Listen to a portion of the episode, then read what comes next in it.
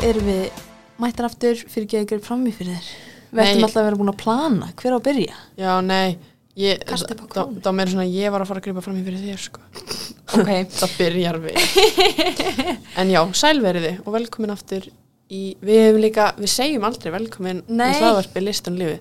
Við gerum bara ráð fyrir því að þið séu ekki að hlusta á þetta í algjöru blindni. Eða þú veist, þið Það væntalega, er samt alveg næs að bjóða ykkur velkomin. já, verið þið velkomin. Uh, vonandi er þið búin að koma ykkur vel fyrir. Annarkort, uh, eða, koma ykkur vel fyrir. Allan, allan, ykkur, allan ykkur líði vel. Þið eru í göngutúr eða setið undir stýri eða eruð, um, ég veit ekki hvað annað maður ætti að vera að gera. Þrýfa. Þrýfa, það er endar, það, var bara, er bara bókstala það sem ég var að gera á það. Uh, að menn ég var að hlusta. Uh. Þú ert að hlusta á bókina sem við ætlum að tala um. Já, ég var ekki að hlusta á okkar hlaðvarp. Ég er ekki alveg það keksrugluð. Það væri freka fyndið að hlusta á eigi hlaðvarpa með maður þrýfur og vera bara eitthvað, ha, ég er svo fyndin. Já, en við erum mættar með uh, bókina Eiland Já. eftir Sigriði Hagelín Björnsdóttur. Mm Er hún ekki frá árinu 2016? Jú, eintakið sem ég er með er frá 2017 en það er, þú veist, svona, Það er Kiljan. já, Mér finnst alltaf svo, já, best selda, eða ein af best seldi bókum ársins 2016. já. Uh, og uh, ég vil bara leggja það fram á borðið að Sigriður Hagalín Björnsdóttir er bara í alvörni án gríns skegn. Er hún skegg? Já, allan að mínu mati og að mati flestra sem að búa í Íslandi. Að því að, Hún hefur uh, skrifað þessa bók. mm sem að fjallar um COVID, ég ætla bara að segja það hér, um, hér og nú, uh, og þessi bók kom út fyrir hvað, fimm árum, þú veist, og svo skrifaði hún Eldana, sem að kom út, uh, hvað um jólin. Já. Hún er allan mjög ný, Hún skrifaði heilaga orð. já ég, ég veit ekkert um hana, sko, Nei. en allan að, Já, Eldana, og svo finnst fjallar, fólki þetta vera Sko, COVID? ég, nei, ég, veist, ok, þegar ég segi veist, er, er fólk að tengja það saman? Já, sko, máli er að ég var að vinna á hérna bókamarkaðinum á, á lögadagsvelli. Já. Það er ykkur brjálu tónlist hérna fyrir Það er partí. Ef þið heyrið tónlistinni þá bara dansiði með. Við erum að því. Nei, já, ég var sérst að vinna á bókamarkaðinum og þá, hérna, sko, það byrjaði að gjósa bara meðan ég var að vinna þar. Já. Og sko, ég fann, ásaki, ég fann fyrsta jarðskjáltan bara þegar ég var bara fyrst, svona ángrís tímindum eftir ég mætti fyrsta vinnudaginn. Já. það var, það var mjög creepy. Uh, sérstaklega að vera inn í svona risastóri steipubyggingu sem að lögadals vallar húsið eða hvað sem maður myndi kalla það er. Alveg svolítið strund í en uh, þetta þýtti það að það var hægt að henda í bullandi útstillingu við ingangin Mm að það byrjaði að gjósa og allt sem að tengdist uh, eldgósum og náttúrhamfrum og allir svoleiðis rókseldist og fólk var að kaupa þessa skáldsögu eldana eftir Já. í bílförmum ok, það er kannski smá ígjur en mann er leið þannig Já. og svo kom fólk alltaf upp á borðinu og var bara eitthvað afsakið þú veist hvað er hún með bara eitthvað beint samband við bara veist, já, ég veit ekki eins og hvað þetta er bara, mér En- finnst þetta allan sjúklega steikt Hún er, er það ekki frétta? jú, hún er frétta, Núna. en hún, er, hún varða allan að, ég held að hún sé það ennþá sko Ég þarf að finna myndaðina því að ég man bara, ég er með hérna í, með myndaðina? já, ég, ég er nefnilega með innbundni Já, já, já, akkurat, þetta er kona sem ég held þetta vera. Hún Já. var allavega að vinna fyrir Rúf og fréttastofu Rúf. Já, og málið er nefnilega sko uh, að ég las ég sem sagt, þú veist, var með fysiskt eintak, þannig ég las hana uh, hálfabókina Mm -hmm. og svo hlusta ég á setni helmingin Já. og hljóðbókin er lesin af henni Já.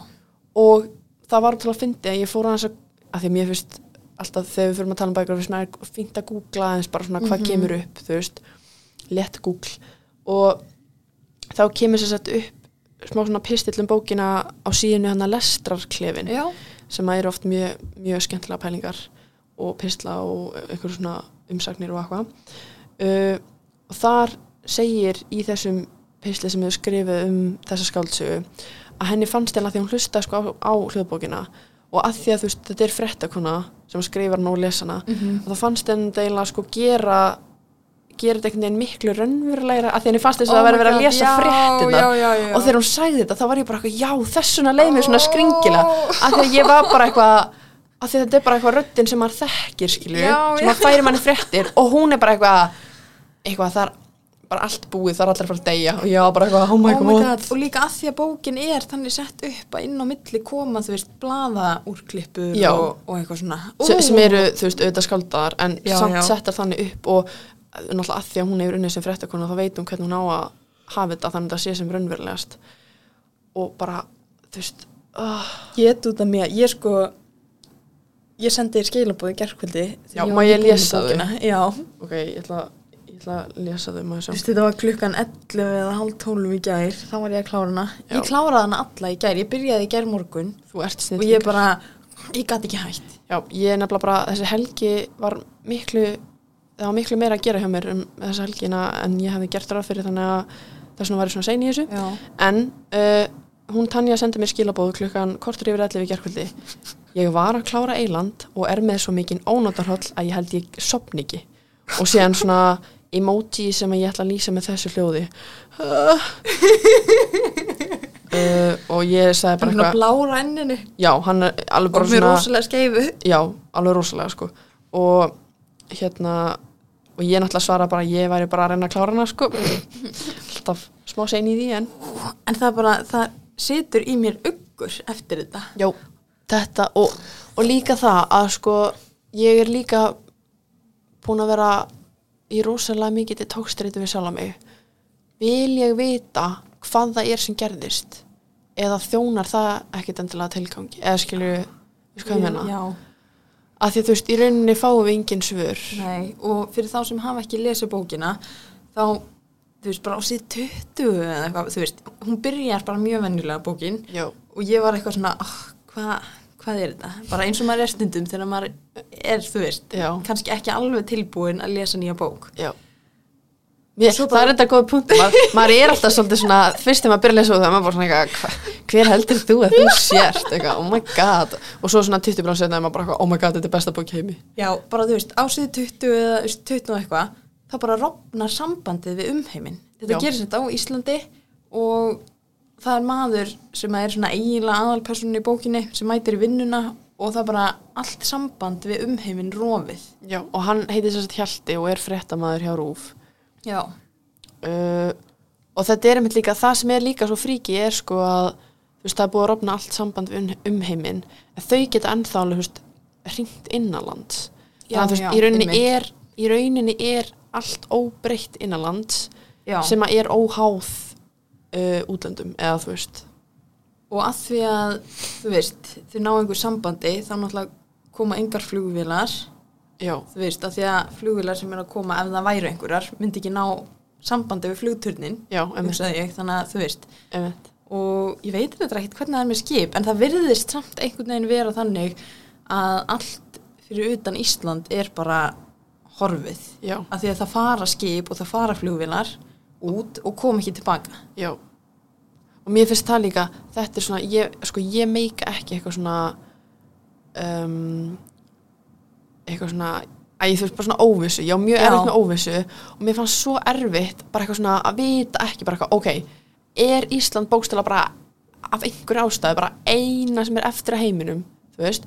Eða er þetta bara eitthvað geðveikt skrítið sem að þú veist, jújú, jú, bókin gerist á hvað einu ári eða eitthvað. Og svo er líka verið að flett inn í þannig að fimm árum setna eitthvað mm Mhm.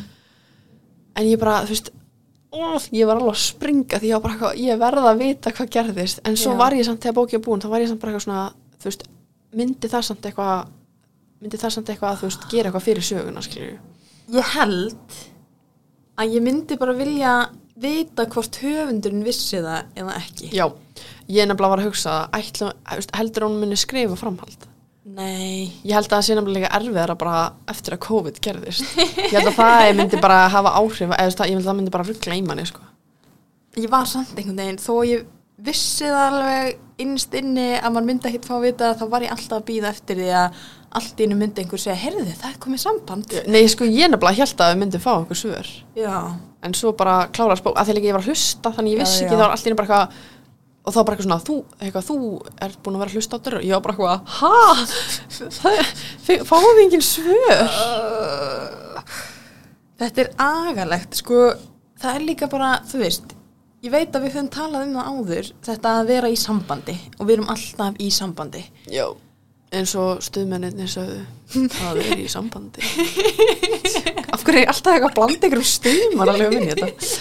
Afsakið mig En já, við höfum talað um það á svona frekar neikvæðan hátt, en það er eitthvað við þessa pælingu að missa allt samband við umheiminn sem er, ég fæ svona tilfinningu eins og, bara að vera í lausu eins, lofti já, já, þegar að, eins, og þegar maður horfir þú veist, í sjóin skilur og maður veit ekkit hvað er Hinum já, Já. maður veit ekkit hvað er sjónum. Ég fæ svona lofttræðislu næstu því, ég get ekki líst því betur Já. eða, eða víðáttu fælni eða eitthvað. við áttu brjálaði Já, já. já, hérna og það er kannski þú veist það er alltaf lægi skilur innan gæsalappa að missa sambandið þú veist, nétsamband við umheimin og eitthvað Mhm. ef að það væri ennþá þú veist, hægt að fara fram og tilbaka þú veist, já, ef maður vissi að þú veist, ok, það er einhverjir þarna úti við vitum, við vitum hvað er þarna hinum einn já, máli er samt bara pælt í því, það er ekki það langt síðan að þetta var bara svona.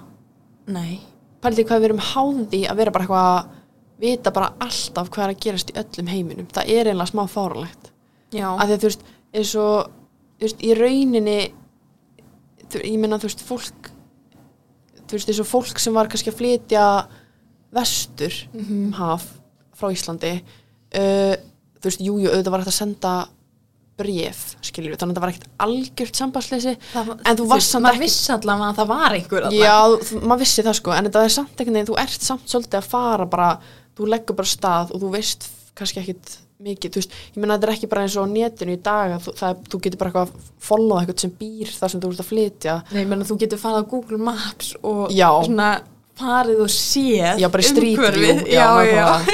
þú veist, það var ekki þannig, þarna var þetta bara eitthvað, jæja, hérna, kallið minn og börni mín sjö, komum upp í skip og svo bara sjáum við hvað gerist. En mér veist samt, þú veist, þú ert komin, þú veist, auðvitað langt, langt frá því sem er núna, Mm en það er samt eitt, að minnstakosti eitt skref í viðbót að bara vita ekki neitt, þú veist. Það fer einhver þannig út og kemur bara aldrei tilbaka. Já, og ég mitt líka eins og bróðir Hjalta alpersona sem heitir Leifur Já. hann og konan að segja hvað, tvö börn Já. sem eru, fóru bæði út í háskólanám og þau vita bara ekkert hvað hefur komið fyrir þau Nei, einmitt. af því þau ná ekki sambandi út. Ég, ég fæ svona bara, mm, mér langar að æpa. Gerðu það? Þetta er svo óþálu tölfunning. Já. Sem er samt ekki slæmt, þetta er bara, þetta er geggjubók. Já. En samt, samt sko fyndið að því ég nefnilega held að þetta myndi einhvern veginn hafa meiri áhrif á mig ef ég væri, ef veist, ok, það er ekki svo ég, ég hafi lent verst í þessum heimsfaraldri bara, þú veist, ég meina, ég, þú veist, maður er bara í mikil forréttindastöðu í Íslandi, mm en þú veist, það er einhvern veginn bara, seinasta árið hefur maður samt svo mikið lært að lifa með óvissu. Að þetta var svo mikið bara eitthvað svona, maður vissi ekki einu sinni hvernig þú veist morgundagurinn yrði. Mm -hmm. að því að maður, þurfti alltaf að gera ráð fyrir ok, þú veist, kannski fer ég út í búð og svo er alltaf bara í, þú veist, sókví. Og eins og fyrst var það, þú veist, 14 dagar þú veist, Mhm. tvær vikur. Og þú þurfti bara að geta einhvern veginn bara sett alltaf pásu og, og líka svo að fyndi, ég var líka að hugsa um að því að við, þú veist, það er alltaf að tala um hvað maðurinn er fljótur að gleyma. Mhm. mm, þetta er svona algjör klísja en þetta er samt svo satt að því þú veist, ég, hérna að meðan ég var að lesa bók, þá var ég bara eitthvað svona vá, díses, ró, þú veist, rólega næsing, skilju en svo var ég bara svona, ég meina fyrst þegar COVID byrjaði þá ekki bara í út, ok, sérstaklega í útlöndum en ég meina á Íslandi var fólk bara að fara út í búð að fucking, afsakjör bara hamstra já. skilju að því ég held bara að myndi klárast Já. og ég meina, svona var þetta bara. panikið Já, veist, svona var þetta bara. Og þá fór allir að hugsa bara, býtu, af hverju var ég búin að gleyma þessu?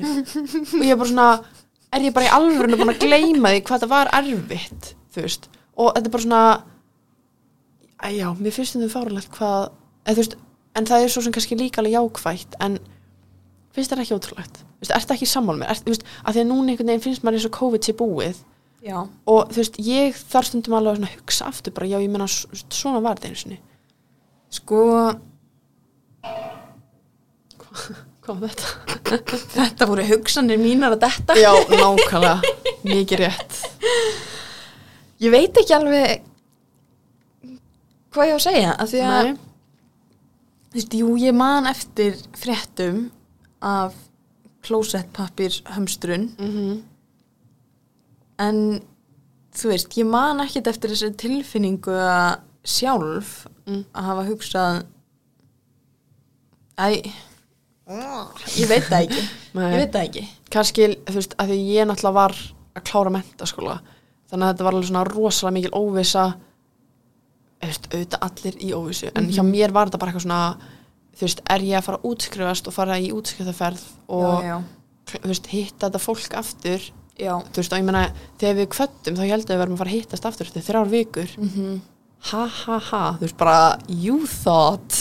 Þú veist, bara ég hitti þetta fólk. Veist, ok, auðvitað býrum á Íslandi, maður hittir þetta fólk en basically hitti ég þetta fólk aldrei aftur, ég meina, ég fekk aldrei að kveðja kennarna mína og, nei, nei, nei, innmitt og svo les svo er ennþá verið eitthvað að reyna að draga mann í útskriftaferð alltaf verið að setja á henni eitthvað á Facebook og Já, já, nú, nú er búið að bólusetja og þá getum við fara að skella okkur til Mexiko og ég bara, mm, nei takk ef það er einhver stað sem ég langar ekki að vera í heimsfaraldri þá er það Mexiko já, þó að það sé eitthvað svona lokasvæði eða eitthvað, ég bara, pff, núp ég er góð. bara, maður þekkir heldur ekkert þú veist, maður veit ekkert um heilbriðiskerfið í Mexiko Já, veist, eina, eina sem ég veit er bara að mér langar ekki að vita neitt um það skilju veist, og ég veit líka bara eitthvað Æ, og þú veist, og líka bara eitthvað svona að þú ferðið kók með klaka og getur þú fengið salmonellu Já, það, það var bara, bara eitthvað bæklingur bara eitthvað, vera að passa ykkur á þessu, þessu, þessu, þessu. Já. og ég var bara, oh my god, af hverju er maður að fara? Maður er að borga bara eitthvað ógisla mikið fyrir að vera í einhverju fight or flight ástandi bara allan tíma þú veist, en samt eitthvað er að skemmta sér skilju, þetta er bara eitthvað oh my god, þá er satt já, þú veist, maður er bara að berjast fyrir lífi sinu en samt líka eitthvað að reyna, þú veist, reyna að skemmta sig með vinu sinu og, já, ég meina sýsti mín fór fyrir tveimur árum eða eitthvað. Mm, með kærastanum sínum og fjölskyldinu hans. Og þau eruðu öll veik nema hún held ég. Já, þau voru bara, þau voru í eina viku þarna. Já, og basically daginn eftir að þau komu þá eruðu veik. Já. Þau basically bara flugu hinum meginn á plánunduna til þess að vera með veik. ælupest já, basically. Oh, Jesus. En spennandi. Já. en skemmtilegt. En já, þessi, þessi bók sko, hver, hver var uppáhaldspersona þín? Ok, reyndar fyrst, ég ætla fyrst að byrja að segja minn í mann. Já, að því við tölum um í sinsta þætti svona vondukalla já. Shit, hvað ég þoldi ekki Elínu maður. Elín er sér að forsætis ráðherra, eða þú veist, verður forsætis ráðherra í þessu ástandi sem að ríkir. Já, hún er fyrst hvað innanríkisráðherra Já. og verður síðan fórstisráðherra að því að uh, að því að sem sagt hvað er ekki fórsetin og, for, og og fórstisráðherran einhverju aðri ráðherrar já, sem eru fjárverandi þegar að ástandi skellur á sem þýðir að þú veist, þau vitir henni bara ekkert hvar þau eru. Og hægt og rólega, þú veist, Elín verður sem sagt, uh, hún verður fórsetisráðherran já, uh, hvað fórseti alþingis tekur yfir sem fórseti já. og svo er einhver varafórseti alþingis sem verður þá fórseti alþingis. Mhm. og hægt og rólega er alltaf að vera saman einhvern veginn, þú veist að það er ein mannski sem er tekur yfir mörg ráðherra embætti já. og endanum er þetta bara orðið að ráðu neyti nú með stóru erri uh, og, og mér finnst líka ótrúlega áhugavert að pæli því að, að því að veist við á Íslandi erum alltaf mjög stolt af líðræðinu okkar Mhm. uh, og við erum mjög svona líðræðislegt land veist, við kjósum um finnst mér bara svona flest allt sem hægt er að kjósum eða þú veist svona já, allan að með við mörg önnulönd já, um, og svo þarna í þessari bók að þá er þetta allir orðið bara eitthvað svona þú veist, þetta fólk eru þetta upprunlega þú veist, líðræðislega kosið að einhver leiti allir ráðherrar. Já, en, en svo henni eru sko óvinnirnir að þeir eru kallaðir kjósendurnir. Og þá er Já. líðræði orðið að einhverju svona neikvæðu, eða veist einhvern veginn svona allan í augum margra þarna, já, já, það sem að gerir sem sagt basically er að þessi Elín, hún tekur viðst bara stjórninni á, á öllu og setur stefnuna Mhm. sem að er auðvitað í upphafi mjög nöðsynlegt það er, það er óversástand, þau veit ekki þú veist, það þarf bara einhver að vera bara harður og bara taka Já. stjórnina en þú veist hægt og rólega þá breytist þetta yfir í að vera bara þú veist, það má ekki mótmæla af því það er að vekja upp hræðslu meðal almennings og það er ekki það sem við þurfa á þessum óvissu tímum og bara þarna var flugvel þetta er eitthvað sem maður heyrði var hún að fara til Mexiko já, segðu. Ég ætla líka að segja að þetta er eitthvað sem maður heyrði ekki mikið í COVID. Nei, einmitt. Og það er svona eins og þú veist, maður fekk það ég fekk það pínu á tilfinningunni tilfinninguna, annarkvort uh, það er það kom þessi hugsun býtu, ætli hún hafi planað þetta allt saman? Já, af því að smátt og smátt þá verður hún bara þú veist, hún verður bara eitthvað svona ístrotningu já. Og þú veist, og einmitt líka þetta að, að hún verður síðan ólétt og eignast bann og mér fannst, það var svo útöksað ég hugsaði, hún hlýtur að hafa planað þetta. Já, þú veist, það, það var með, þú veist, manni fannst alltaf þess að það væri verið í að því að, að, að það væri eitthvað veist, já, ég veit ekki hvað það er. En, og líka einmitt að því að þú veist, einmitt ef við hugsaum það þannig ef, ef við segjum bara ok, þú veist, að hún hafi planað þetta einhvern veginn, skilju að því meina, þú veist, hún alltaf innan ríkis er á þeirra, bókst, þú veist, innan þetta bara felur í sér, þú veist, bara landið einhvern veginn eitt og sér uh, og er að, þú veist, eins og við komum stað í lokin alveg bara bullandi rasisti og já, bara ekki eitthvað besta mannski heimi. Mm oh, Mér svo ógæðslegt eða ekki ógæðslegt, það er kannski ekki rétta orðið. Örgulega alls ekki rétta orðið. Mér finnst bara, ég varð svo reið sérstaklega þegar hann Hjalti kemur til hennar hann að mjög aftarlega í bókinni og hann er nýbúin að ætla að ná í uh, fyrirverandi sambíliskonu sína og son hennar þau eru í svona útlendingabúðum á Já. Svo þar eru allir útlendingar sem festust hana í landinu Já. eftir að þetta gerðist. já, því að sko fyrst, fyrst á þetta er að vera bara eitthvað svona að hýsa erlenda ferðamenn sem að festust Já, já. veist, en, en svo verður þetta hægt og rólega bara eitthvað svona, allir sem að líti ekki út innan gæslappa fyrir að vera íslenski, samkvæmt þessu fólki að þeim er hendanga Og hún er sagt spænsk hana, og Já, hún er að spænskum uppruna, hann hefur búið í 15 ár Já, á já. Íslandi og er, þú veist, með íslenska ríkisborgari rétt. en þau eru þarna og hann ætlar að ná í þau en má svo ekki, þú veist, taka sonin líka af því að hann er hálf svartur eða þú veist, pappin var svartur en samt norðmaður Já. Þetta er bara, þetta er ógæslega steikt og Já. það er einhver reglugjörð sem kemur í vekk fyrir að hann megi ganga laus um Ísland Já, þessi, þetta er bara, þetta er bara viðbjörslegt, sko. og svo kemur Hjalti til hennar og hún er bara eitthvað á skrifstofunni sinni að gera jóka á Já. meðan fólk er bókstaflega bara að svelta Já. og deyja Já, og mér fannst það líka mjög lýsandi að því ég sá þetta svo fyrir mér eitthvað svona, eitthvað svona rísastór skrifstof með stórum gluggum mm, oh my god, og, hún, og hún bara eitthvað svona að gera jóka og er bara eitthvað, mm, ég er svo siðblind. oh. Og ég er frá eignast barn. og mér fannst það vera svo mikið bara eitthvað, hún hugsar þú veist, ég þarf að bæta ímynd mína og þess vegna ætla ég að eignast mann hún, hún, hún, hún sefur hjá honum Hjalta einu sinni já. Og ég held þetta hafi verið ótrúlega útpælt. Já, þegar líka einhvern veginn, hvernig þessu líst þetta, þetta er mitt eins og þú segir, hún svaf hjá honum. já, Var hann að hjá henni? Mm, veit það ekki, þetta var mjög svona, hann var bara einhverju partí að drekka eitthvað kampa eins og hann hafði ekki fengið gett lengi. Og svo var hún bara eitthvað búin að draga hann upp á hótelherbyggja og hann eitthvað, mm, ok, eitthvað allt í lagi þá. og líka það að þú veist, það er búið að vera óstand í marga mánuði og þá er ráðuneytið bara með ásáttíð og er að borða nautasteik og drekka kampavín og maður svona, Já, og, halló? Já, og mér fannst það með líka, ef maður, maður skoðar skaldverki út frá marxísku sjónarandi, hérna, já, þú veist, ef maður skoðar bara svona, veist, það er mjög svona skörp ádela á um, svona einhvern veginn þess að svona innan gerðsalappa ósynlegu stjættaskipting á Íslandi að því að einhvern veginn við gerum, all, gerum okkur alltaf út fyrir að vera stjætt að það sé engin stjættskipting Já. en hún er alveg bara 100% enna mm -hmm. þú veist, það er bara kannski ekki eins um, bersínlegt og þú veist, ég það ekki, Breitlandi þar sem þetta er rótgróna í, já, já, í hérna menningunni en, og líka mitt, þú veist að þessi mitt partí hérna hjá ráðunetun myndi mig svolítið á bara eitthvað svona það er rosalegt partí já, ángríns, ég held að detta út þessi tónlist er bara, hún kallar á mig. Nei, hérna, þessi þessa partísenur hann og þegar þau eru alltaf að þú veist, eitthvað, drekka eitthvað kaffi sem á ekki svona að vera til Nei, einmitt, kaffið er löngu búið já, og svo kemur Hjalti eitthvað til hennar Elinar og hún bara býður hennum upp á kaffi. Já, og maður bara býtu og maður bara þetta á að vera búið. Já, einmitt.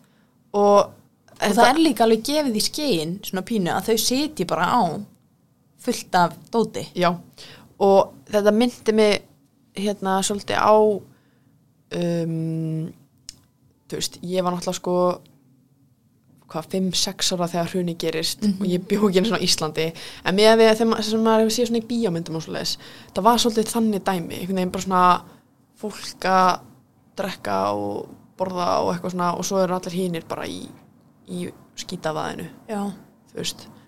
Og, og það er einmitt líka að, um, að það, þú veist að þegar að Hjalti byrjar að vinna hjá ráðunetinu þá fær, þá fær hann eitthvað svona upgrade, þú veist, hann Já, fær eitthvað svona já, sér akkurat. samning við byrðagemslunar sem Já, geima matinn skilju, þannig að þetta er alveg bara mjög hún segir líka bara við hann þú veist, ráðuneytið sér um sína. Já, einmitt. Og ég meina þú veist að því mér finnst þetta líka ekkert eitthvað eiga bara við þessa bókið þetta ástand, mér finnst þetta að vera bara svona þetta er bara svona. Skilju, ertu ekki sammála? Þú veist, þetta er bara veginn Ég ég veit ekkert hvernig Nei, það er þú veist, ráðuneytinu en nei, ég- það á- er nei, ok, á mörgum stöðum, jú. Já, þú veist, og Þá- líka ekki, ekki ég er ekki að tala bara í ráðuneytum en það meiri bara svona í pólitík einhvern veginn, þetta er bara svona við sjáum um okkar skilju og Ég þurfti að kanna það betur, sko. Ég þurfti að gera snjóstnari og, og komast inn í þetta flott bara og já, vinna smá rannsóknarvinnur, sko Já. en ég geti bara að segja eitthvað um það. Já, ég er samt ég held að þú fáir engin svör sko, en ég meina þú getur alveg reynd Jú, ég verð besta vinkun á Bjarnar Ben. Já, Það er planið. Það er að baka með honum og, já, ég skil. Ok. Þú, þú hérna kemur síðan bara og segir okkur frá henni Já, ég gerði það. Já. En en já, Elín það er, mér finnst líka svo magnað að það er svo fín lína finnst mér á milli þess hvað er ásættanlegt og óásættanlegt Já. skiluru já, að því að að einhver leiti finnst mér alveg meika sens að fólki sem er að þræla sér út til að þú veist, reyna að halda samfélaginu gangandi já. veist, hún basically býr á skrifstofunni sinni. Uh -huh.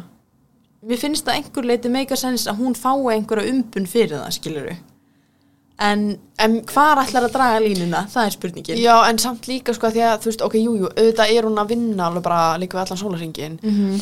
en það er samt að að þá fyrir bara eftir í þú veist hvort að maður meti meira að því að svo eru þú veist bændinir út á landinu sem eru bókstæla að halda þjóðinni á lífi Satt. þú veist, þetta er svona hvort er meira virði að vera sá sem tekur ákvarðanirnar og þarf þá Mhm. að uh, lifa með, eða bara, þú veist að standa með þeim ákvarðunum sem að er náttúrulega alveg, getur verið skítatjóp þú veist, að það, það, það þarf einhver að gera.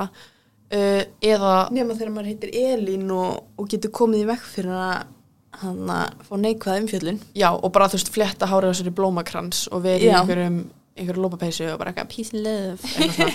Oh my god, ok, líka þessi hérna Sindri Snær. Þannig einhver, einhver fótbolta kappi sem að verður bara einhverjum fasista leiðtoga eða eitthvað, þetta er bara eitthvað svona fánalega. Ég sá hann fyrir mér sem einhvern svona Jón Jónsson. Þú veist, augljóslega ekki Jón Jónsson Já, já, já. skilurðu, í eigin personu. Já, veistu, En svoleiðis típu. Já, ég nefnilega, ég, ég ímyndaði mér einmitt, svolítið svona ef að Rúri Gíslason. Og, og Jón Jónsson myndi eignaspat þá væri það Sindri Snær, eitthvað svona geðveikt peppar gæi sem að verður samt stundum, eða þú veist, ok, þeir, auðvitað, við erum ekki að bendla þessa personu við þá, Nei. en svona í íslenskri menningu, það, þú veist, þetta átt að vera svona, þú veist, einhver úr landsleginu fótbolta sem er samt líka Algjör stjörnustrákur. Já, og getur haldið upp í stemmingunni og þú veist, einmitt, Sindri Snær.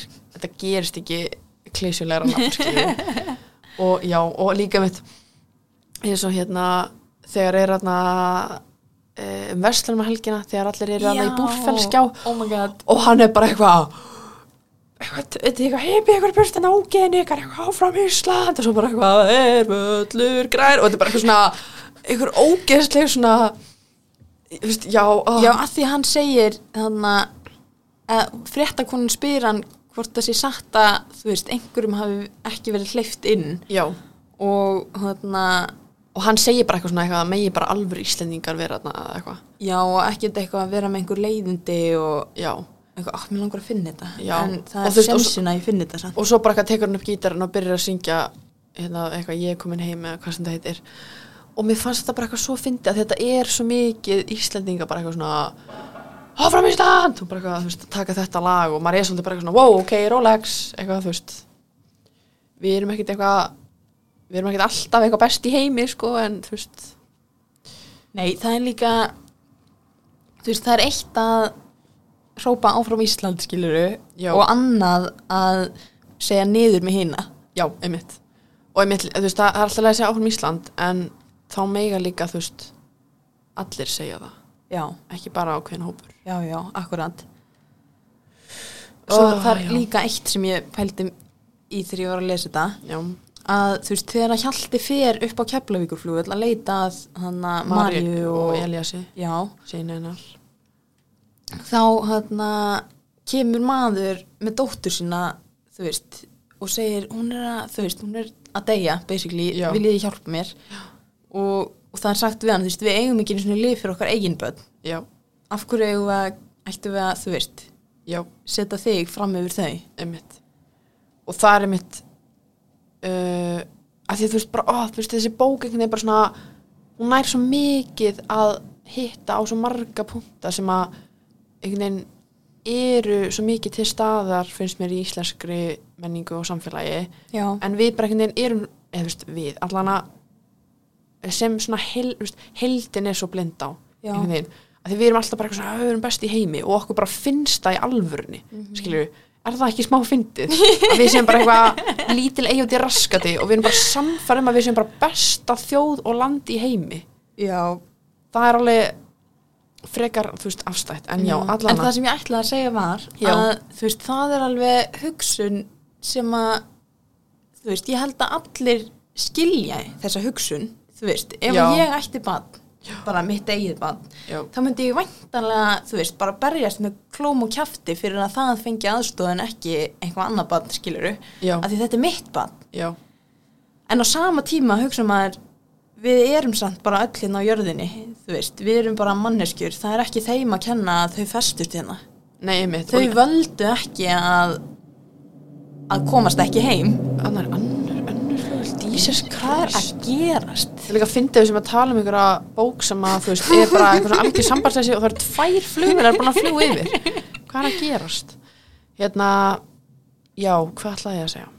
Já, að því að sko, það er mitt þessi hugsun, þú veist, að setja grímuna fyrst á batnið sitt og svo sig, skilur og hérna Mér líka bræður alltaf svo að kjóða ykkur hljóð hérna um, já og nei, ég man ekkert hvert ég var að fara með þetta. Já, en þetta er samt bara já, nei, já, að því að þú veist, að því þau líka eru bara um, þau eru bara föst inn á keflaguflugvilli Já. að því eins og svo þegar Hjalti finnur loksins Marju og spyr hana hvar Margrét sé mm -hmm. þá segir hún, já, hún slapp já, skilur þannig að þetta er, þau eru bara þú veist, þetta eru bókstæla bara fangabúðir mm þú veist.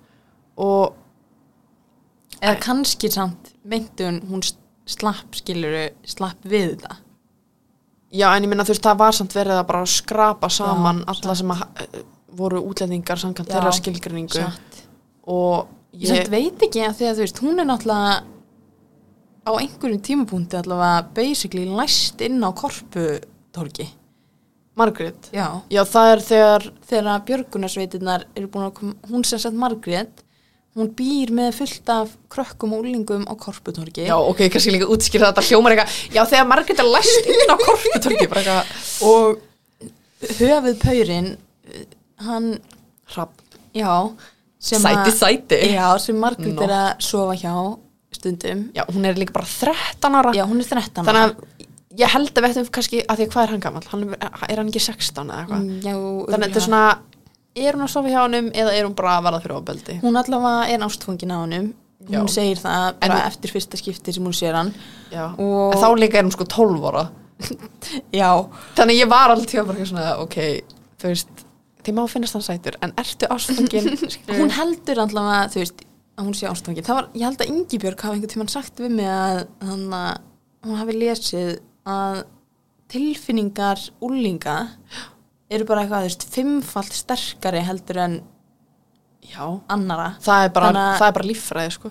Þannig að þú veist, það að hún skuli telja að hún sé ástfangin er kannski alveg eðlilegt þú Já, já, já. Og það, þú veist, einmitt eins og Ég er alls ekki að gera lítið á því En þetta er samt bara svona að því að ég einhvern veginn átti að til að gleyma því þú veist, mér fannst alltaf þess að hún væri eldri en hún var að Já. bara það sem hún var að gera eða þú veist, var að lendi í. Og svo kom bara eitthvað svona, eitthvað, já, hún er bara 13 ára já, Já, bara, já, oh my einmitt. god, hún er ekki svona fermt. Nei, akkurat. Já, hún er þannig í einhverju dópgreinu bara. Já, Og- í krakkahöllinni, mér finnst það líka svolítið fyndið, að að sko í dag er krakkahöllin ekki lengur til en einmitt, krakkahöllin. Mhm. þetta svona gefur einhvern veginn nafninu algjörlega nýja merkingu. Já, algjörlega. En allavega, hann hrafn ákveður að bjóða björgunarsveitunum í partí. Og Björgunarsveitunar eru ekki björgunarsveitunar Nei, lengur. björgunarsveitin er orðin bara einhverju mafíu. Já, af einhverjum algjörum villingum sem eru bara vopnaðir haglafissum og bara ganga bara berserksgang. Já, og haldaði fram með þessi að verja land og líð en eru bara ekki að því. Nei, nei, nei. Og það atvikaðist þannig að, þú veist, þegar ástandið byrjar fyrst Þá byður fórsetisráðherra, held ég Allavega einhver í ríkistjórninni Um að björgunarsveitunar aðstóðu lögreglu Við að, þú veist, Já, við, við lögvörslu já það, er, það er eitthvað svona verið að reyna að samina það. Og maður veit ekki alveg af hverju eða þú veist, Nei, ég held að það sé líka kannski bara eitthvað fyrirbyggjandi þú veist, ef það koma óverðir eða, veist, maður veit það ekki alveg. En allavega þá fá þær vopn í hendunar og eftir það þá fara að hópast inn bara alls konar Þessu er oftast Já, líst já. sem drengjum á tvítusaldri sem eru rosalega massaðir og Já. gangaði með byssur og eru mjög oftast uh, augun þeirra eru svona mjög augljósla, þú veist, þeir eru mjög augljósla undir áhrifum einhverja Já. fíknefna.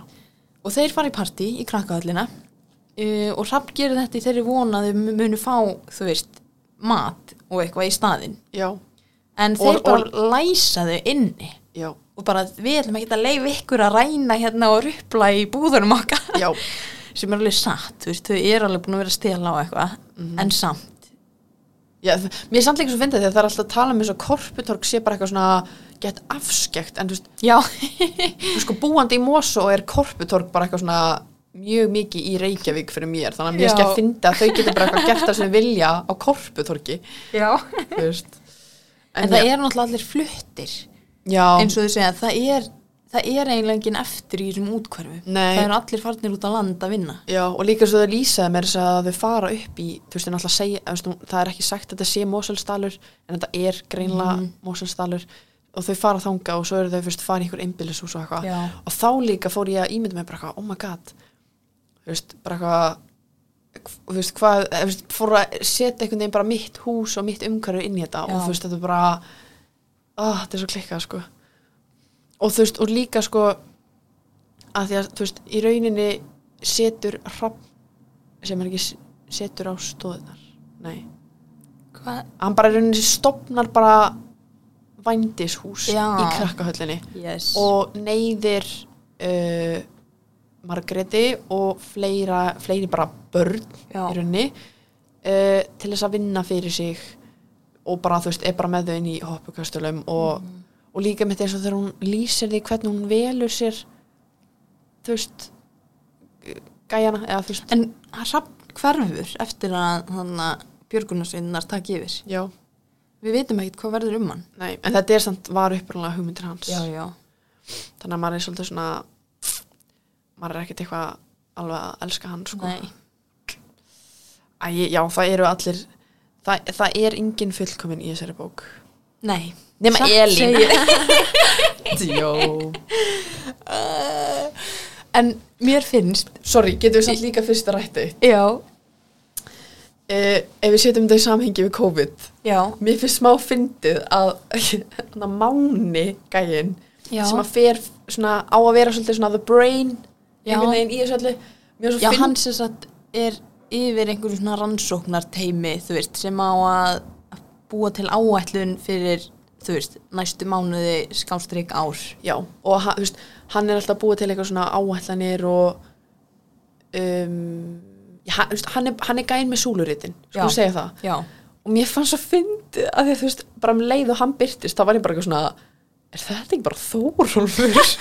því að, god! að því að svo var líka eitthvað svona, eitthvað svona verið að lýsa því hvernig hann hætti að mæti jakkafötum og var bara eitthvað í lópapeysu og mér fannst eitthvað svo mikið eitthvað svona að ég veit ekki, mér fannst að fyndi eitthvað svona að reyna að setja þú veist fólk sem að þekkir úr COVID ástandinu Já. inn í þetta að því meina líka í fyrsta kaplanum er verið að fjalla um að hérna hvað er að kalla hérna sam æ þú veist þannig í skóarlíð Já, þú veist já, það sem já, að þau akkurat. hittast öll Já. og ræði þetta það er mynd bara eitthvað þú veist eitthvað sem var gert í Já, já. fyrstu upplýsingafundinir voru bara beint úr skóarlíð Já. þannig að það gerir þetta líka með svona þú veist, að þegar maður er búin að gangi gegnum COVID að þá Mhm. var maður bara eitthvað, já, ég meina skóalína, ég veit alveg hvað það er þú veist, Já. Já, og svo líka fannst mér svolítið fyndi hvað Já, kannski ættum við líka að segja, þú veist, fyrir þá sem hafa ekki lesið bókina og eru kannski bara alveg tindir, þú veist, áætlun með hvað og eitthvað, þú veist, þetta snýst basically allt um að, þú veist, það er ekki að koma neitt matur inn, já, við þurfum að framlega meiri mat, Já. svo við getum haldið lífi. mm, aðal markmið er rauninni bara að verða sjálfbær og Já. það er líka áhugavert einmitt að þriðja flugvelin herðu skellum bara í drikkjuleik bara í hver skipti sem að heyri í flugvel og bara teika sjátt sko. nei, tjók hérna, Eða ekki, já, eða ekki. Eða bara, þú veist, til ráðið. Já, við ætlum ekki að neyða ykkur. Við erum ekki að hvetja til áfengistrykju. Við erum bara að reyna að vera hipp og cool eins og unga fólki. Um, Hérna, já, það er líka áhugavert með þetta svona þú veist, þessi svona tilraun til sjálfbærni þarna bara að því að það er, þau hafa bara ekkert annað val. En ég meina í dag er alltaf verið að tala um það bara í samhengi við, þú veist loslasbreytingar og og já, þá þarf maður veginn, þá þurfum við meira að reyna að stóla okkur sjálf.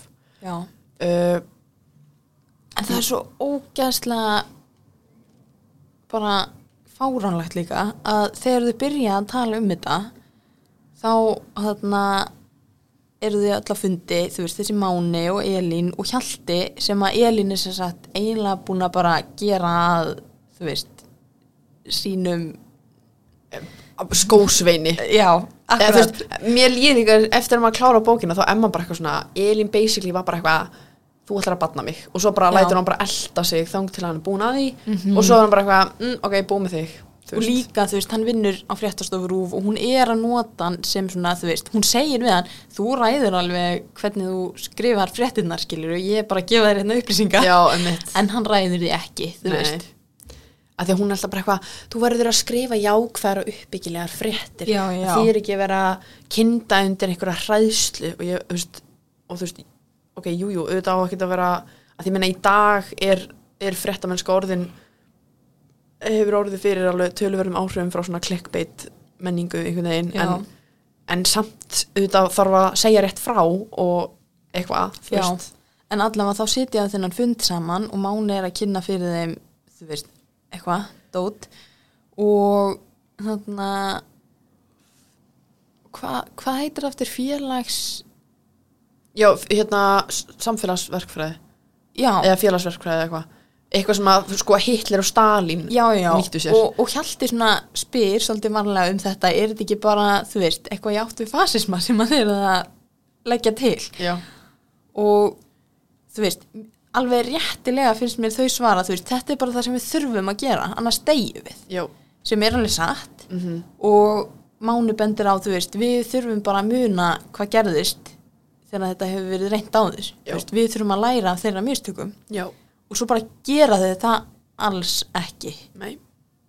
Og það er það mér er eins og líka það gleymist bara algjörlega. Já, og það er mér líka sko um, sko þessi bók er mitt ótrúlega áhugaverð einmitt bara út frá stjórnmálafræði. Uh, og ég sá sko þegar ég var þess að googla á þann þá var bókin sem sagt, bók vikunar um, ég held að það veri bara stuttu bara janúar eftir hún kom út eða eitthvað. Þá er sér rætt við uh, rítöfund og stjórnmálafræðing veist, um hana. Og á meðan ég var að lesa bókina þá fannst mér þetta líka sko, hefur þú séð þætti á Netflix sem að heita The Society? Nei. ok, sko, málið er og það er líka svolítið fyndið sko því að það eru þættir sem koma út á eftir þessari bók. Já. Fjórða flugvillin Oh my god. hvað er að Ég held gera Ástrós að Guð sé að senda okkur tá. Við Annaðhvort eigum að það- fara til útlanda. ok, ok, kannski ekki alveg annarkvort það, eða það er bara að þú veist, bandar ekki hérna mættir aftur eða eitthvað, hvað er að gerast Vá, hvað verið brjálað að lappa út og það verið bara einhver her. bara búið að herrtaka Ísland og við bara eitthvað shit maður, við erum að gera þátt um þetta nei, já uh, það sem sagt eru þættir á Netflix sem heita The Society Já.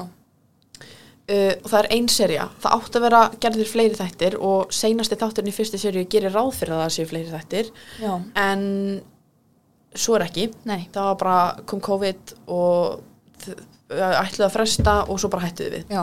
en þættinir fjalla sérst um það að það eru hópur af ungmennum í svona bandarískum high school sem að fara í skólaferðalag að þau halda, skilju uh, og þau raunin leggja bara af stað morgunin þannig að þetta eru bara ungmenni.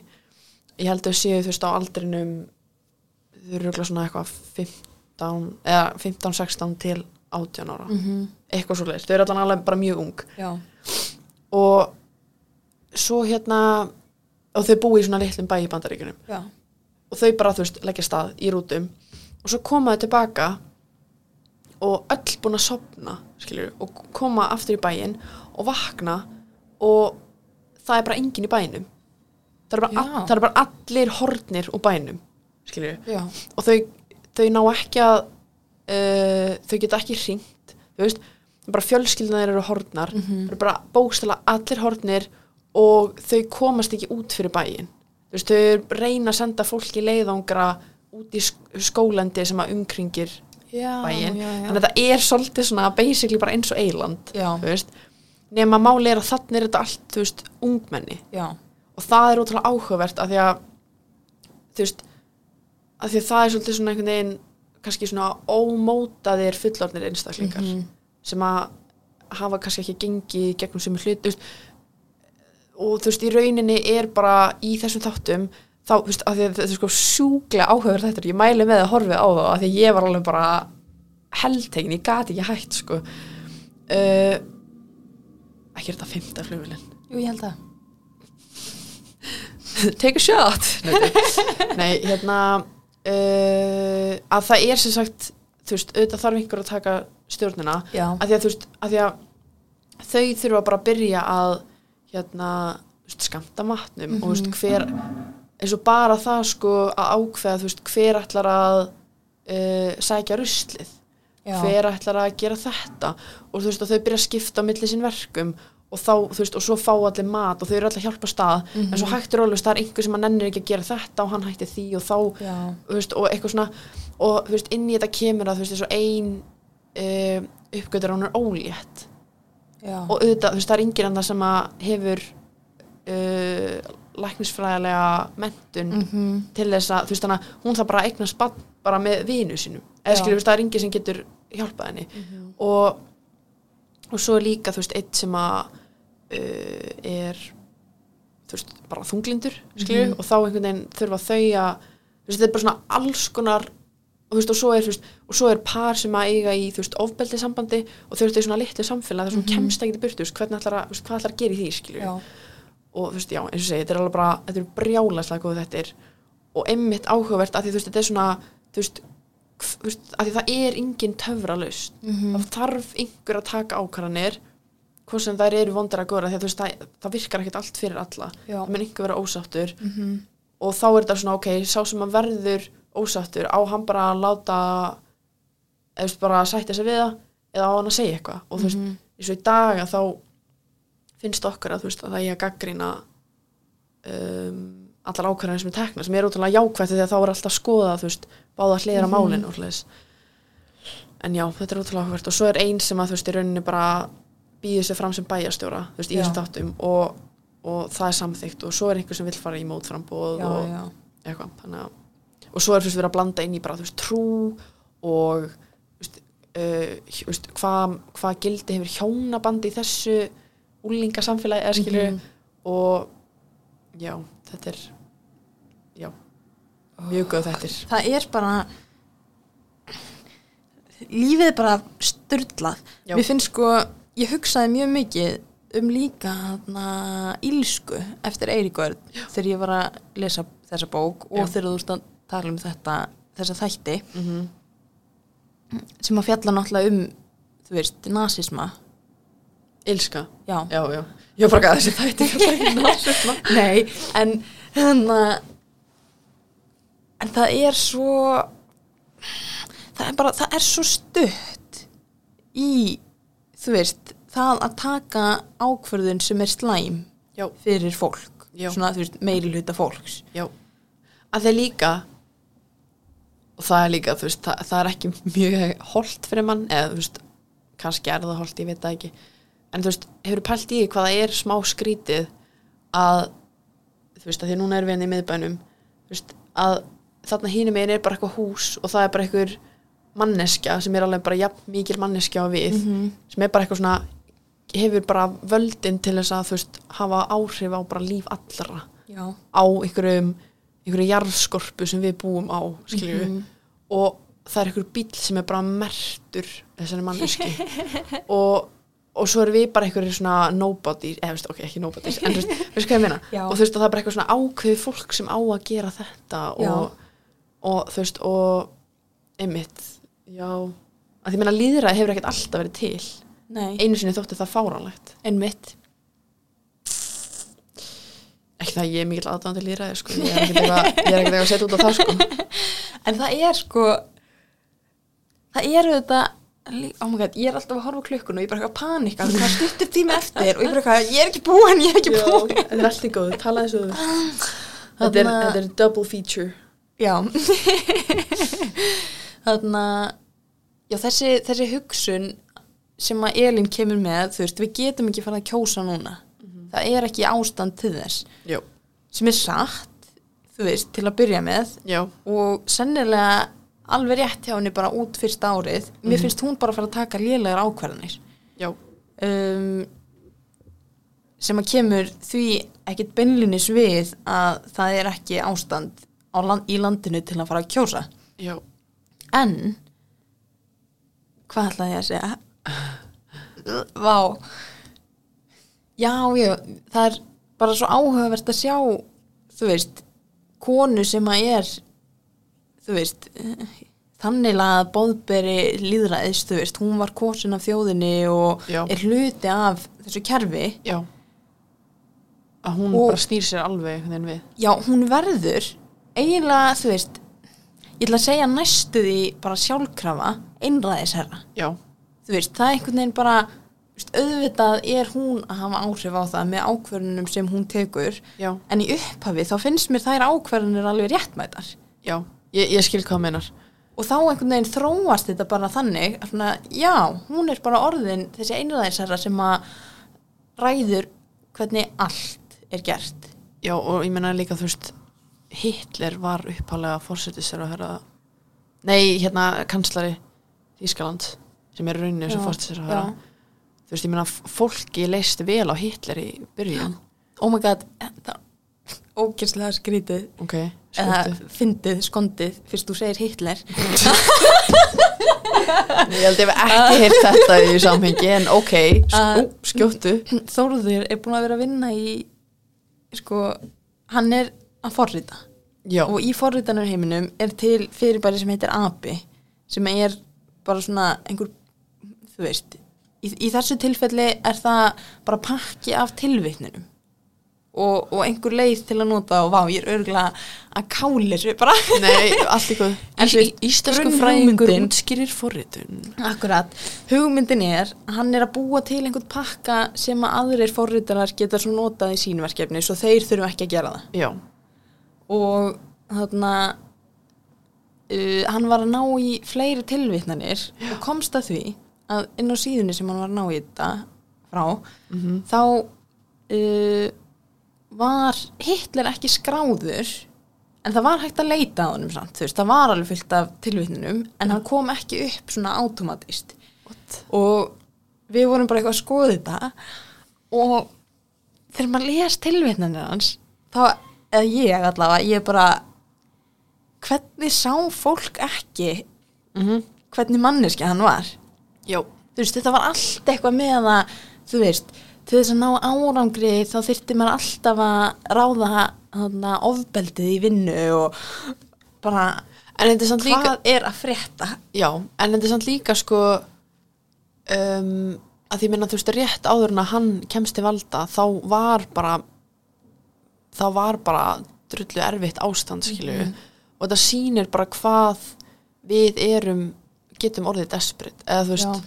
Og, og líka mitt bara núna þú veist eftir COVID ég held að það verða áhugavert að fylgjast með bara hvað stefna stjórnmál eiga eft- að, þú veist, eiga eftir að taka. Því að þú veist einhvern veginn rétt ára að COVID byrjaði þá vorum við bara í einhverju svona Trump ástandi þar sem manni fannst að að maður væri bara aftur komin einmitt bara eitthvað til ásins 1930 eitthvað skilju Á Íslandi? Nei ekki á Íslandi Nei. heldur bara almennt að því að manni fannst svo fáralegt að hann hefði verið sko líðræðislega kosin Já, já.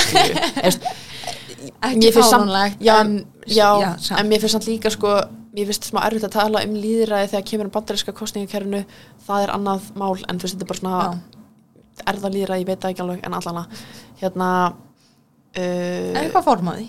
Já, þú veist, ég meina, þú veist, þau kjósa menn eða þú veist, fólk sem á að kjósa fyrir þau. Já. og þetta fólk sem á að kjósa fyrir þau má skipt um skoðun. Þannig að basically ertu bara eitthvað svona hei, ertu til ég að kjósa þennan fyrir mig? Og hann bara svona, já, uh, kannski. Og hann, já, ok, ok. Ertu að meina þá þú veist, ekki fórsetan bandaríska kostningakerfi er byggt upp þannig að það eru ákveðnum margir kjörmenn í hverju ríki fyrir sig. Já, já. Veist, og það er mismundi margir þannig að veist, þó að ríki sé sko landfræðilega sé rosalega stórt þá geta verið örfár kjörmenn. Já. og ef að þú myndir búið í bandaríkjunum og byrði í einhverju sem bara þú veist eins og New York, þar eru rosalega margir kjörmenn. Og þú uh, í rauninni veist, kýst út kýst rauninni út frá hvaða fórsenda þú myndir kjósa skilju þú veist, þú í rauninni segir já, þú veist ég myndi vilja þennan. Í fórsetan kostningunum já, þú veist, Já. þannig að þú ert að velja að fórseta sem að hann þú veist, er það ekki yfirleitt bara tveir? Um, nema, já, veist, það er nema alltaf í fyrra þegar kemur veist- verst var. Nei, já, þú veist, það er, það er alltaf margir. Málið er bara að það sópast alltaf Já, fleiri og já. úr af því að þetta er bara svona eitthvað, ok, ég nefnir Já. ekki og þú veist, ég er, sé ekki það fram á að geta þú veist, Já, já. en oftast, jú, er þetta tveir svona í lokin uh, og þannig að þú ert í rauninni að segja bara, þú veist, þú, þú það er alltaf milliliður, fattar þannig að þú veist, þú ert bara eitthvað, já, ég myndi vilja þannig fórseta, Já. en manneskjan sem að í, rauninni kýs fyrir þig getur skipt um skoðun og það er eins og núna í að fórsetakostningunum sko ég þekkit ekki neitt. Nei, ok. þannig að ég er bara eitthvað að spurja hérna, Já, já, ég veit já, ekki já, hvort þú veit það. Ég elskar líka bara að eigða tímanum við þetta. En já, ok, já, spurðu. En veist, ég er að pæla sem sagt. Já, um, hvað er ég að pæla? Já, já, er, ertu að segja sem sagt að, þú veist, ef ég bý í bandaríkjunum þá Mhm. í rauninni kýs ég þú veist, þessar annarkvort demokrata eða republikana já, og þeir eru búin að velja einhverja, þú veist menn eða konu en geta svo skipt um skoðun. Já, þú veist, í rauninni er þetta bara Þú veist, kjörmennirnir Þeirra hlutverk er að kjósa fórsetan já, Skilur uh, Þannig að, þú veist, í rauninni er bandarist bara venjulegt bandarist fólk er að kjósa þessa kjörmenn eða skilur nei, gjörst Nei, ok, basically bara, basically, þú veist, bandarist fólk kýs einhvern tíman í sko, hvað það, november eða eitthvað, já, en actual fórseta kostningarnar eiga sér ekki stað fyrir bara, þú veist, í janúar eða eitthvað, skilju ó, þannig að í rauninni þegar við segjum já, það er komið nýr bandarækjafórseti þá er það ekkit víst, af því að, Já, að, því að kjörmenninni geta skipt um skoðun. Málið er bara að það er ekkit mjög vel séð að skipta um skoðun. Já, já, en það voru, ok. en það voru en það er hægt. Já, en þú veist, ég meina, í seinustu kostningum þá gerðist það, það voru einhver sem skipta því, ég meina, þetta voru mjög heated kostningar allana, já, það er svona, mér finnst bara bandaríkja, bandaríkin eru bara mjög áhugaverð Já, vá, ég er, ég er mjög svona intrigued. Er mjög, þetta var uh, áhugaveikjandi. já, en líka þú veist að því að, að því menna þú veist þess vegna held ég líka að sé svona mikil menning fyrir samsæriskenningum í bandaríkjunum af því að þau bókstala hafa engin völd veist, bandarist bandarska þjóðin hefur engin völd skilju, af því að þetta er bara eitthvað svona elita sem að getur bara gert það sem hann vill í rauninni þess vegna eru þau bara eitthvað, já, þau eru að ljúga okkur af Já. því að þau geta það Vá. á meðan á Íslandi erum við bara eitthvað svona já, þú veist, frendi minni fósinsir þannig að ég held hann alveg góður sko Já. og líka bara, þú veist, við eigum krútlegast að fórseta í heimi Satt. Ertu ekki sammála? Jú, mjög. Hvernig, þarna, hvernig öðlaðist þú alla þessa vittneski um, um bandaríska stjórnkerfið? Bara áhugasum? Já, ég Vá, þannig svo sért í útvarstætti? Já, segðu Mér líður svo, ég er, ég er komið svolítið ham Ég er byrjað að tala mjög mikið með höndunum uh, Sko Ég myndi segja já að því ég er áhugasöm uh, Sko að því ég hef bara mjög mikil mjög mikla áhuga á mikla áhuga Blurra. mikinn áhuga á stjórnmálafræði Já. tók stjórnmálafræði áfanga í Kvennó sem er vissulega áfangi í menturskóla þannig að ég er engin sérfræðingur en Þú hefur fengið smjör þefin af þessu? Já, og þú veist svona við kynntum okkur þú veist hverja þú veist, fasisma, anarkisma Já, já. darara, darara, skilju uh, ég á pappa sem að er hefur líka mjög, mjög mikið áhuga á stjórnmálafræði Mhm. og hefur frá því að ég var lítil frætt mér mjög mikið um þetta en reynd samt auðvitað að vera hlutlu sem vil ekki vera bara eitthvað að fylla mig af einhverjum hugmyndum Mhm. uh, og líka ég spilaði þess að spil um daginn ég og frendi Já. minn spilum spil sem heitir 1960 Ok. og er basically bara, þú ert bara spilaborðið er bara kortabandaríkjunum Já. uh, og þetta eru bara, þú veist, fórsetakostningar í bandaríkjunum árið 1960 á, milli, ok. á milli Kennedy og Nixon Já. þannig að annar aðalinn, það geta bara tveir spilað annar aðalinn er Nixon og hinn er Kennedy Já. og svo ert þú bara sapnaðir kjörmunum í hverju ríki þú veist og þú, þú veist, þetta er svona eins og kallað svona card-driven þú veist, það er engi teningar, þetta er bara, þú veist, spil Já, oh my god, ég held að ég hef fattað þetta. Já. Af því að ég man, þú veist, var það ekki fyrra haust sem var verið að kjósa? Jú. Og það var alltaf verið að tala um, þú veist, hann er komið 120 Já, kjörmenn. það kepp- er það sem þú ert að tala um? Já. Já, já, ok. þetta er já, svona já. keppnin þú veist, þetta er rauninni bara keppni Já, upp í hvað, 270 já, þannig að þú veist, þú ert í rauninni bara þú veist, eins og ég segi og þess vegna líka var ég bara eitthvað svona, þegar ég spilaði þetta spil þá var ég bara, er ekki smá skríti að bandaríska kostningakerfið er bara skemmtilegasta spil sem ég hef spilað? Að þetta er bókstala spil þú ert bara eitthvað safn eins og Monopoly. já, að því þú ert bara að safna þér köllum með þú veist, alls konar alls konar mis svona geggjðum leiðum. Já. og já og eins og þú veist líka bara að því að þessu korti þá sá maður bara þú veist, okay, þú veist í New York voru sko sko hvað, þú veist það voru bara eitthvað 20 og eitthvað kjörminni eitthvað og svo svona í miðjun á landinu voru bara geðveikt stóríki og það var bara eitthvað tveir kjörminn Ó. eða þrýr Já. þannig að basically bara þú veist ef þú byrðið eitthvað starf út í raskat í bandarækjunum þá hefur ennþá minni völd og þess vegna held ég að fólki þarna treysti ekki uh, stjórnvöldum sínum Já. af því að þau fá svo lítið að segja Já, vá, góð kenning. já Það hlýtur einhver að hafa skrifað um þetta. ég meina ég held að þetta er bara svona að segja fyrir eitthvað alveg sjálf sko eða þú veist Hlýtur samt einhver að hafa skrifað um þetta og rannsaka þetta og... Já, og svo að því að þú veist, að ég minnst það líka svo leiðilegt að því að það er alltaf, eftir, ok, ég er ekkert eitthvað eitthvað að standa með bandarækjumilum en að það er alltaf að tala um bara, já, eitthvað, þú veist, að þau séu svo miklar, mik miklar samsæðiskenningar og flesta samsæðiskenningar í heiminum tengdar stjórnvöldum held ég að séu í að þannig sem að við og það er bara að því að það er svo margt eitthvað sem er ekkert upp á yfirborðinu, þú veist. Er til einhver íslensk samsæðiskenning? Uh, Þú veist, um, um Ísland eða, eða Íslendinga? alveg pottið, ég held að ég meina, ég held að ég veist, ég meina að það var verið að ræða í úrslitu morfi sem daginn að þá var málefnið þú veist, Ísland er spilt og svo var bara með að móti Mm, Já, já. þar held ég að hafi öruglega margt krassandi komið fram sko Já, ég hefði viljað sjá það sko. Já. Þetta var alveg áhugavert umræðefni. já ég held það sko Já. En ég er með, ég er með eina spurningu. ok, upp á hlutur minn neitt Já. og slægt Segðu svona basic spurning eftir þess svona djúpa umræð Það hefði verið fyndið og frumlegt en það var ekki það sem ég ætlaði að spurja. ok, Ég ætlaði að spurja þig. Já. Ef, þið, ef þú ættir að taka eitthvað eitt úr uh, þessar atburðarás hérna í bókinni sem fór úrskeiðis, hvað, hvað er það? Hvað er það sem að uh, ítti þú veist, nýður brotinu á stað. Já, Úf, þetta er þetta er stór spurning. Ég bara veit ég hvort ég get svarað henni sko, af því að þá held ég að ég væri bara að reyna að finna einhverja laust bara á, á okkar eigin samfélagi sko. já, en ég held allana að það sem að hefði gert hlutina mun skárri að mínu mati uh, væri ef að þessir bjöfitans stjórnendur þarna í þessari bók Mhm.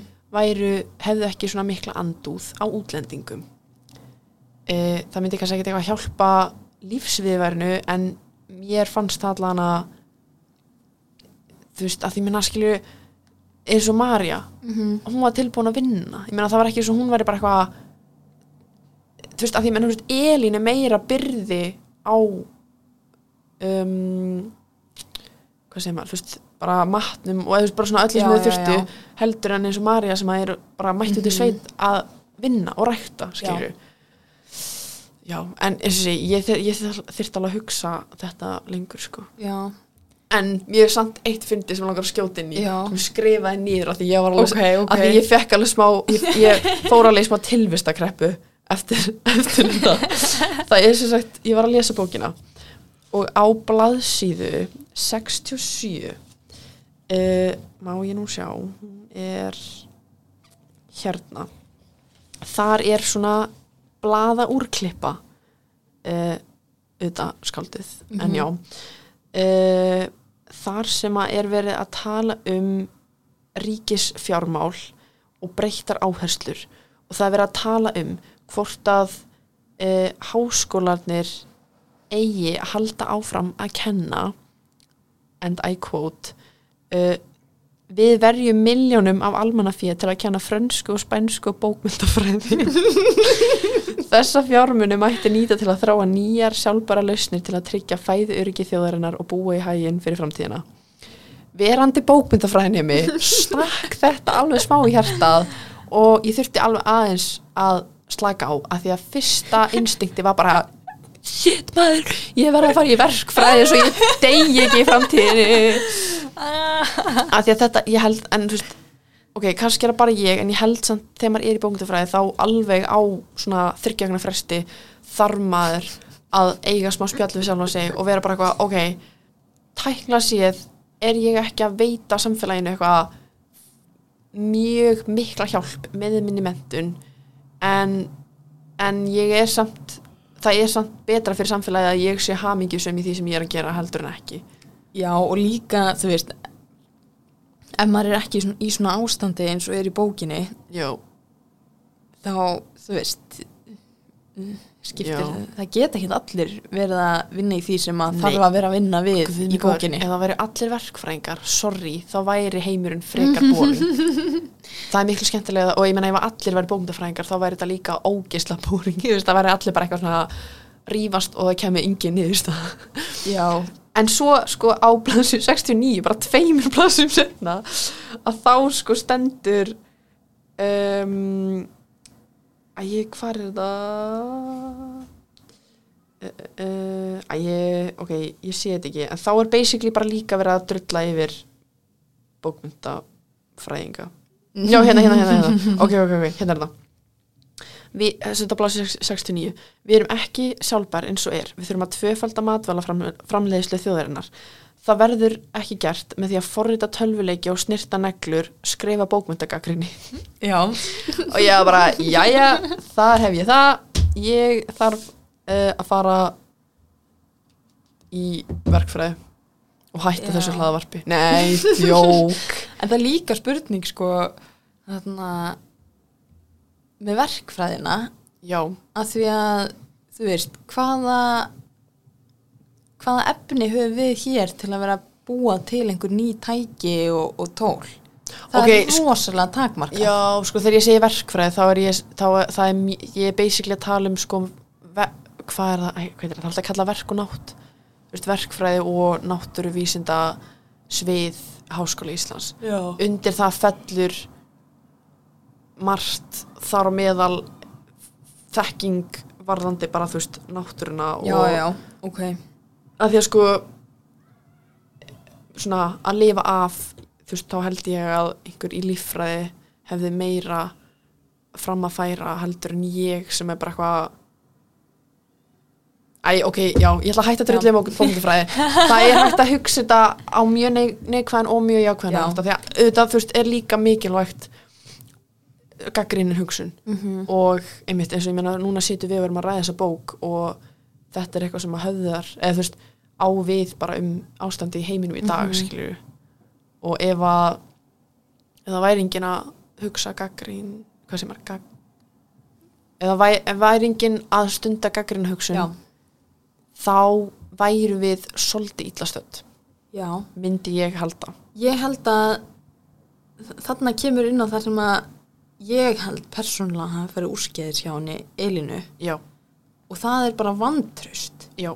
Hún treystir ekki þjóðinni mm eða fólkinu í landinu til að takast á við hlutina. Já, hún kemur fram við eins og bara lítil börn og segir þau get ekki, þau höndla ekki að heyra sannleikan Já. þú veist, ég þarf að ljúga þeim svo þau fari ekki í panik Já, og ég held um þetta að við mannfólki er mjög fljóta að finna uh, skítaliktina af uh, legum eða þú veist, við, það er alltaf eitthvað maður, maður getur oft fundið á sér að sé eitthvað óhreint í pókahotninu þegar kemur á svona. Og, líka bara, þú veist ég skil alveg það sem hún segir með ég vil ekki að að, þú veist, stjórnarandstaðan fái skiluru fá að komast í fréttir og hugmyndir þeirra um, að, um kostningar ná að skjóta rótum. Mm. en af hverju hefur hún ekki bara trú á því að ef að þú veist ef að það er það sem að fólki raunverulega vill er að fylgja stjórnar andstöðinni að þá sé það bara það rétta í stöðinni Já, af því að þá væri hún að hunsa meiri hlutan eða þú veist, sem að eru, þú veist, meiri hlutin er bara fórsetan fyrir líðræði já, já, akkurat. Já. Já, þessi bókmaður. Já, Ég held ég eftir að fá martraði næstu þrjár vikunar sko. Hún er rosaleg En við mælum mjög mikið með henni. Ógæsla mikið með henni. Já, og e ekki bara sko, umfyllunarflega Því að hún er líka bara ótrúlega vel skrifuð. Já, Og Jú, jú, ég, veist, mér fannst Hjalti alveg nett pyrrandi karakter sko. En hann svona aðeins rífur sig í gangana í lokin. Já. Þannig að en búið ykkur samt undir að líða illa. Þú veist, ég var úti í sólbaði í gær. Varstu bara eitthvað? Þú veist, ég kom heim og hann að Þóruður gerði sússi í kvöldmatinn mm, og hann var eitthvað að byggja mig að smakka sússi þú veist, ég, mér finnst ógislegur þari. Ok, mér finnst það ógislega vond. Ég get borðað þaran intóman oh! ég, ég gerði það, ég ólst upp í Danmörku og við gerðum það bara, borðum eins og snakk. Oh my god. Vist að gegja en allavega þá var ég búin að byggja hann að gera fyrir mig ekki með þara. Og hann byrjaði að gera með þara og sagði smakka þetta, vil ekki smakka þetta? Og ég var bara næstu fann að grænja mér leið svo illa þú veist, bara því að lesa þessa bók. Ég var bara, ég var svo lítil í mér og bara oh my god, það var slá að finna að vera alltaf bara eitthvað, eitthvað, hérna Tanja það er sushi. Og þú bara eitthvað "Ah,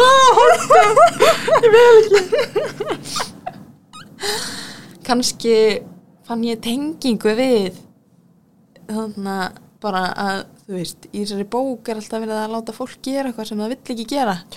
En kann, kannski líka bara kvíðin yfir í að kannski framtíðinu myndu bara þurfa að borða og þú það hefur gæti ekkert val. verið. það geti verið.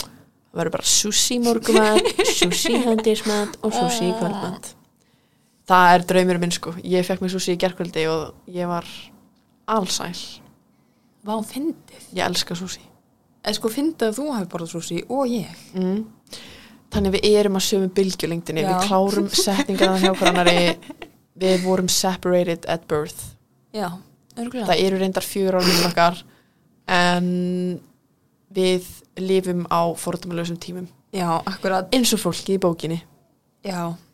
Er þetta ekki bara Jesus, góður lokapunktur? Jú, það er það, en mér langar samt bara að halda áfram, en ég ætla ekki að gera Herru, því að ég, herru, ég þetta fer bara, tíma þú bara situr þetta eftir og sér bara um þetta. Svo mæti ég eftir þetta vík og þú ennþá bara eitthvað, ah, vitið þið. Já, ok.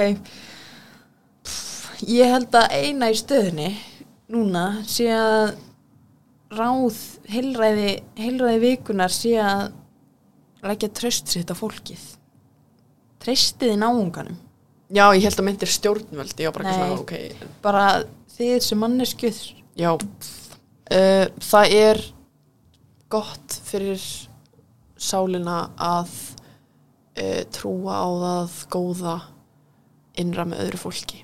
Já, Það er mjög erfitt að lifa lífið þar sem maður gerir alltaf ráð fyrir hennu versta. akkurat. Ég, einmitt, ég hlustaði einu svona hlaðvarp þar sem að var verið að tala um mann sem að sagði að hann, hann lifið eftir þessari e, filosófíu að bara treysta fólki Já, og hann sagði, jú, auðvitað hef ég alveg lent í að vera plataður Já. en skiptin sem ég lendi ekki í eru svo miklu, miklu fleiri já. Ég nefnilega, ég lifi svolítið eftir þessu líka. Ég, ég reynir svolítið bara að treysta fólki. Já. Þetta var bara gott helræði. farið með traust inn í vikuna Já, og hafið það gott já, verðið bless.